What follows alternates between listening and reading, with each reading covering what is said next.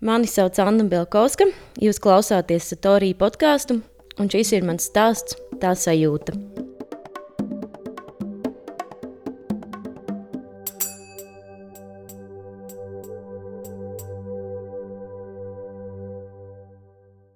Es te tomēr izturēšu, domāju, kad viņa pie loga ēda ceptu zivi un pilnu muti dziedāja līdzi, sirds sadag neparasti. Kur te var nopirkt zivis? jautāju. Es pati noķēru.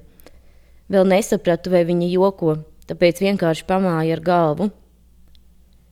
Pirms pāris dienām atbraucu ar pēdējo autobusu. Visu ceļu nogulēju.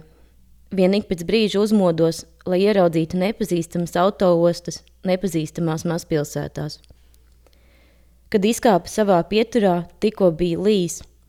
Smaržoja pēc slapja asfalta. Google ierakstīja mājas adresi.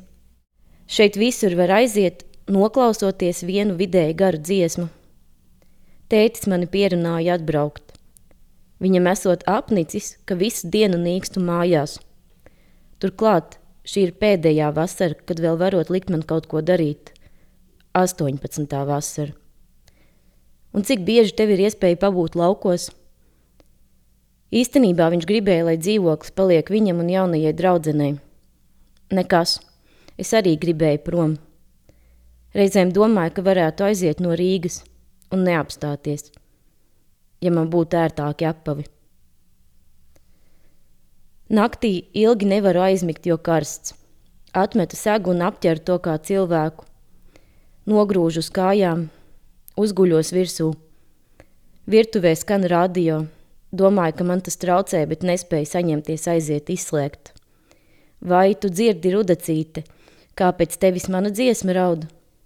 Vēroju ceriņa lapu ēnas uz tapetēm. Katru nakti.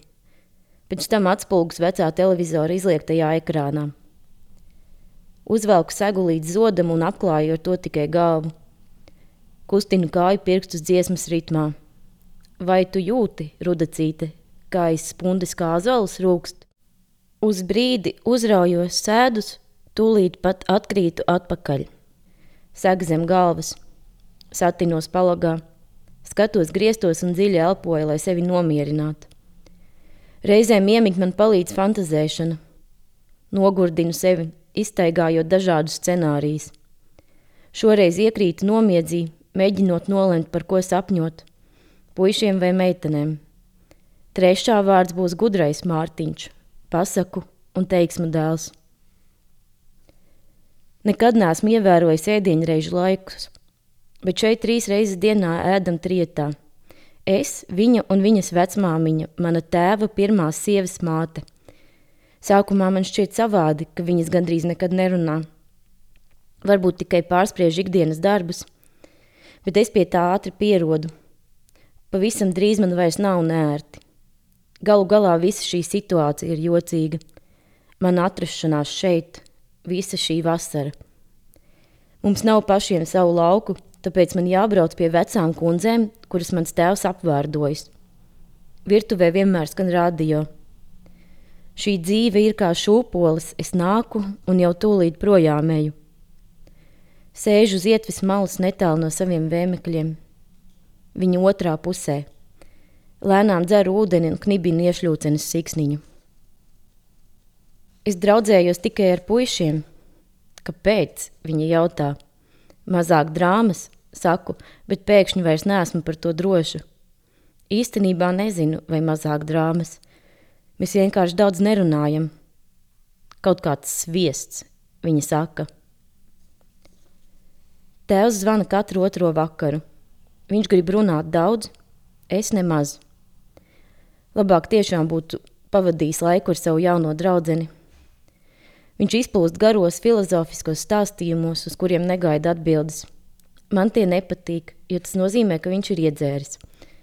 Galants alkoholiķis, tā mana tēva raksturoja krustmāte. Tas nozīmē, ka viņš nežūpo un nesmird, taču dzer gandrīz katru vakaru. Nekļūst nepatīkams, bet viegli kaitinošs un apcerīgs gan. Reizēm viņš raud.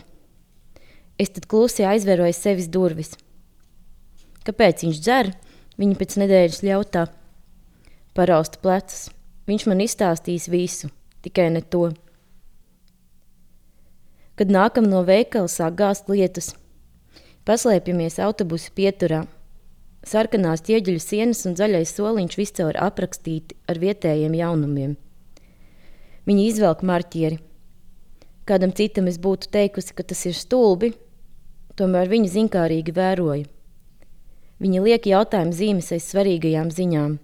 Sanāk, Lelde upīte ir lesbe, te bija Toms, Vītolam un Loginai bija sekss. Pilsētā es tā nevaru. Vienkārši sēdēt, nerunāt, neko neskatīties, nelasīt. Vienkārši sēžu saulē izstieptām kājām. Skatos, cik man netīras pēdas. Zelta spalviņas ap ceļgaliem mirt saulē, pa vidu brūni zilumi. Vakarā atkal būs jākāpj vannā un jāmazgā kājas ledainā ūdenī. Te jākurina boileri, kārtīgi mazgājamies reizi nedēļā.